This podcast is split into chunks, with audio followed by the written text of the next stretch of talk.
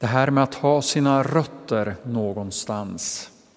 I veckan som gick så var jag på besök i Västerbotten och Norrbotten. Och när jag åker genom byar, skogar, förbi kärnar,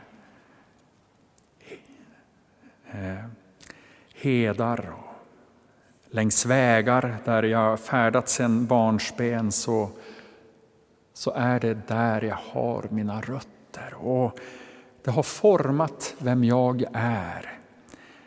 Och en del av mig, oavsett var jag bor och hur länge jag bor på något annat ställe, så en del av mig kommer alltid att längta tillbaka. Heidenstam under nationalromantiken så skrev han, det är väl han kanske hoppades skulle få bli en nationalsång, Sverige, Sverige fosterland, vår längtans bygd, vårt hem på jorden.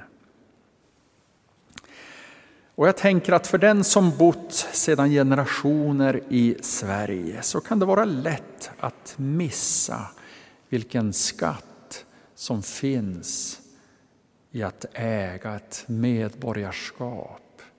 Att ha sina rötter så tydligt rotade någonstans. Och många miljoner människor på flykt vet mycket väl att uppskatta värdet av ett sådant medborgarskap. Så rötter och medborgarskap, ja, det kan vara grunden för min identitet och målet för min längtan.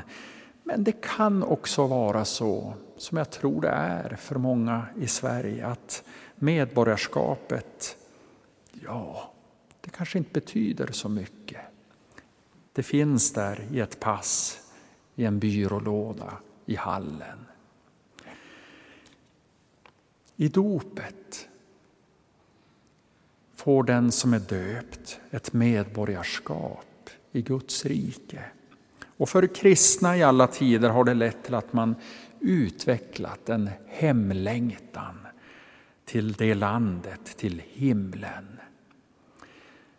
Och därför finns det också en tradition med så kallade hemlandssånger, sånger om himlen.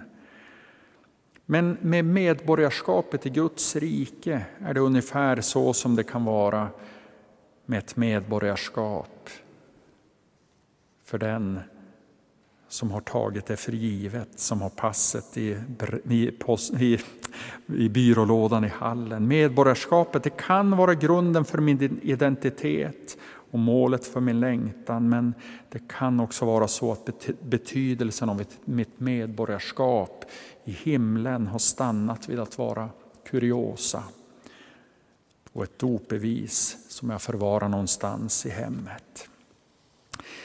Texten som vi läste från Hebreerbrevet och andra texter i Bibeln handlar om hemlandet, himlen. Och vetskapen om en hemmahörighet där. Hoppet om evigheten, det är inte en verklighetsflykt. Utan det kan vara någonting som får skänka en riktning och ge mod och glädje till livet här och nu. Välkommen, vem du än är, att utforska mer om det där med ett himmelskt hemland och ett medborgarskap i det landet. Amen.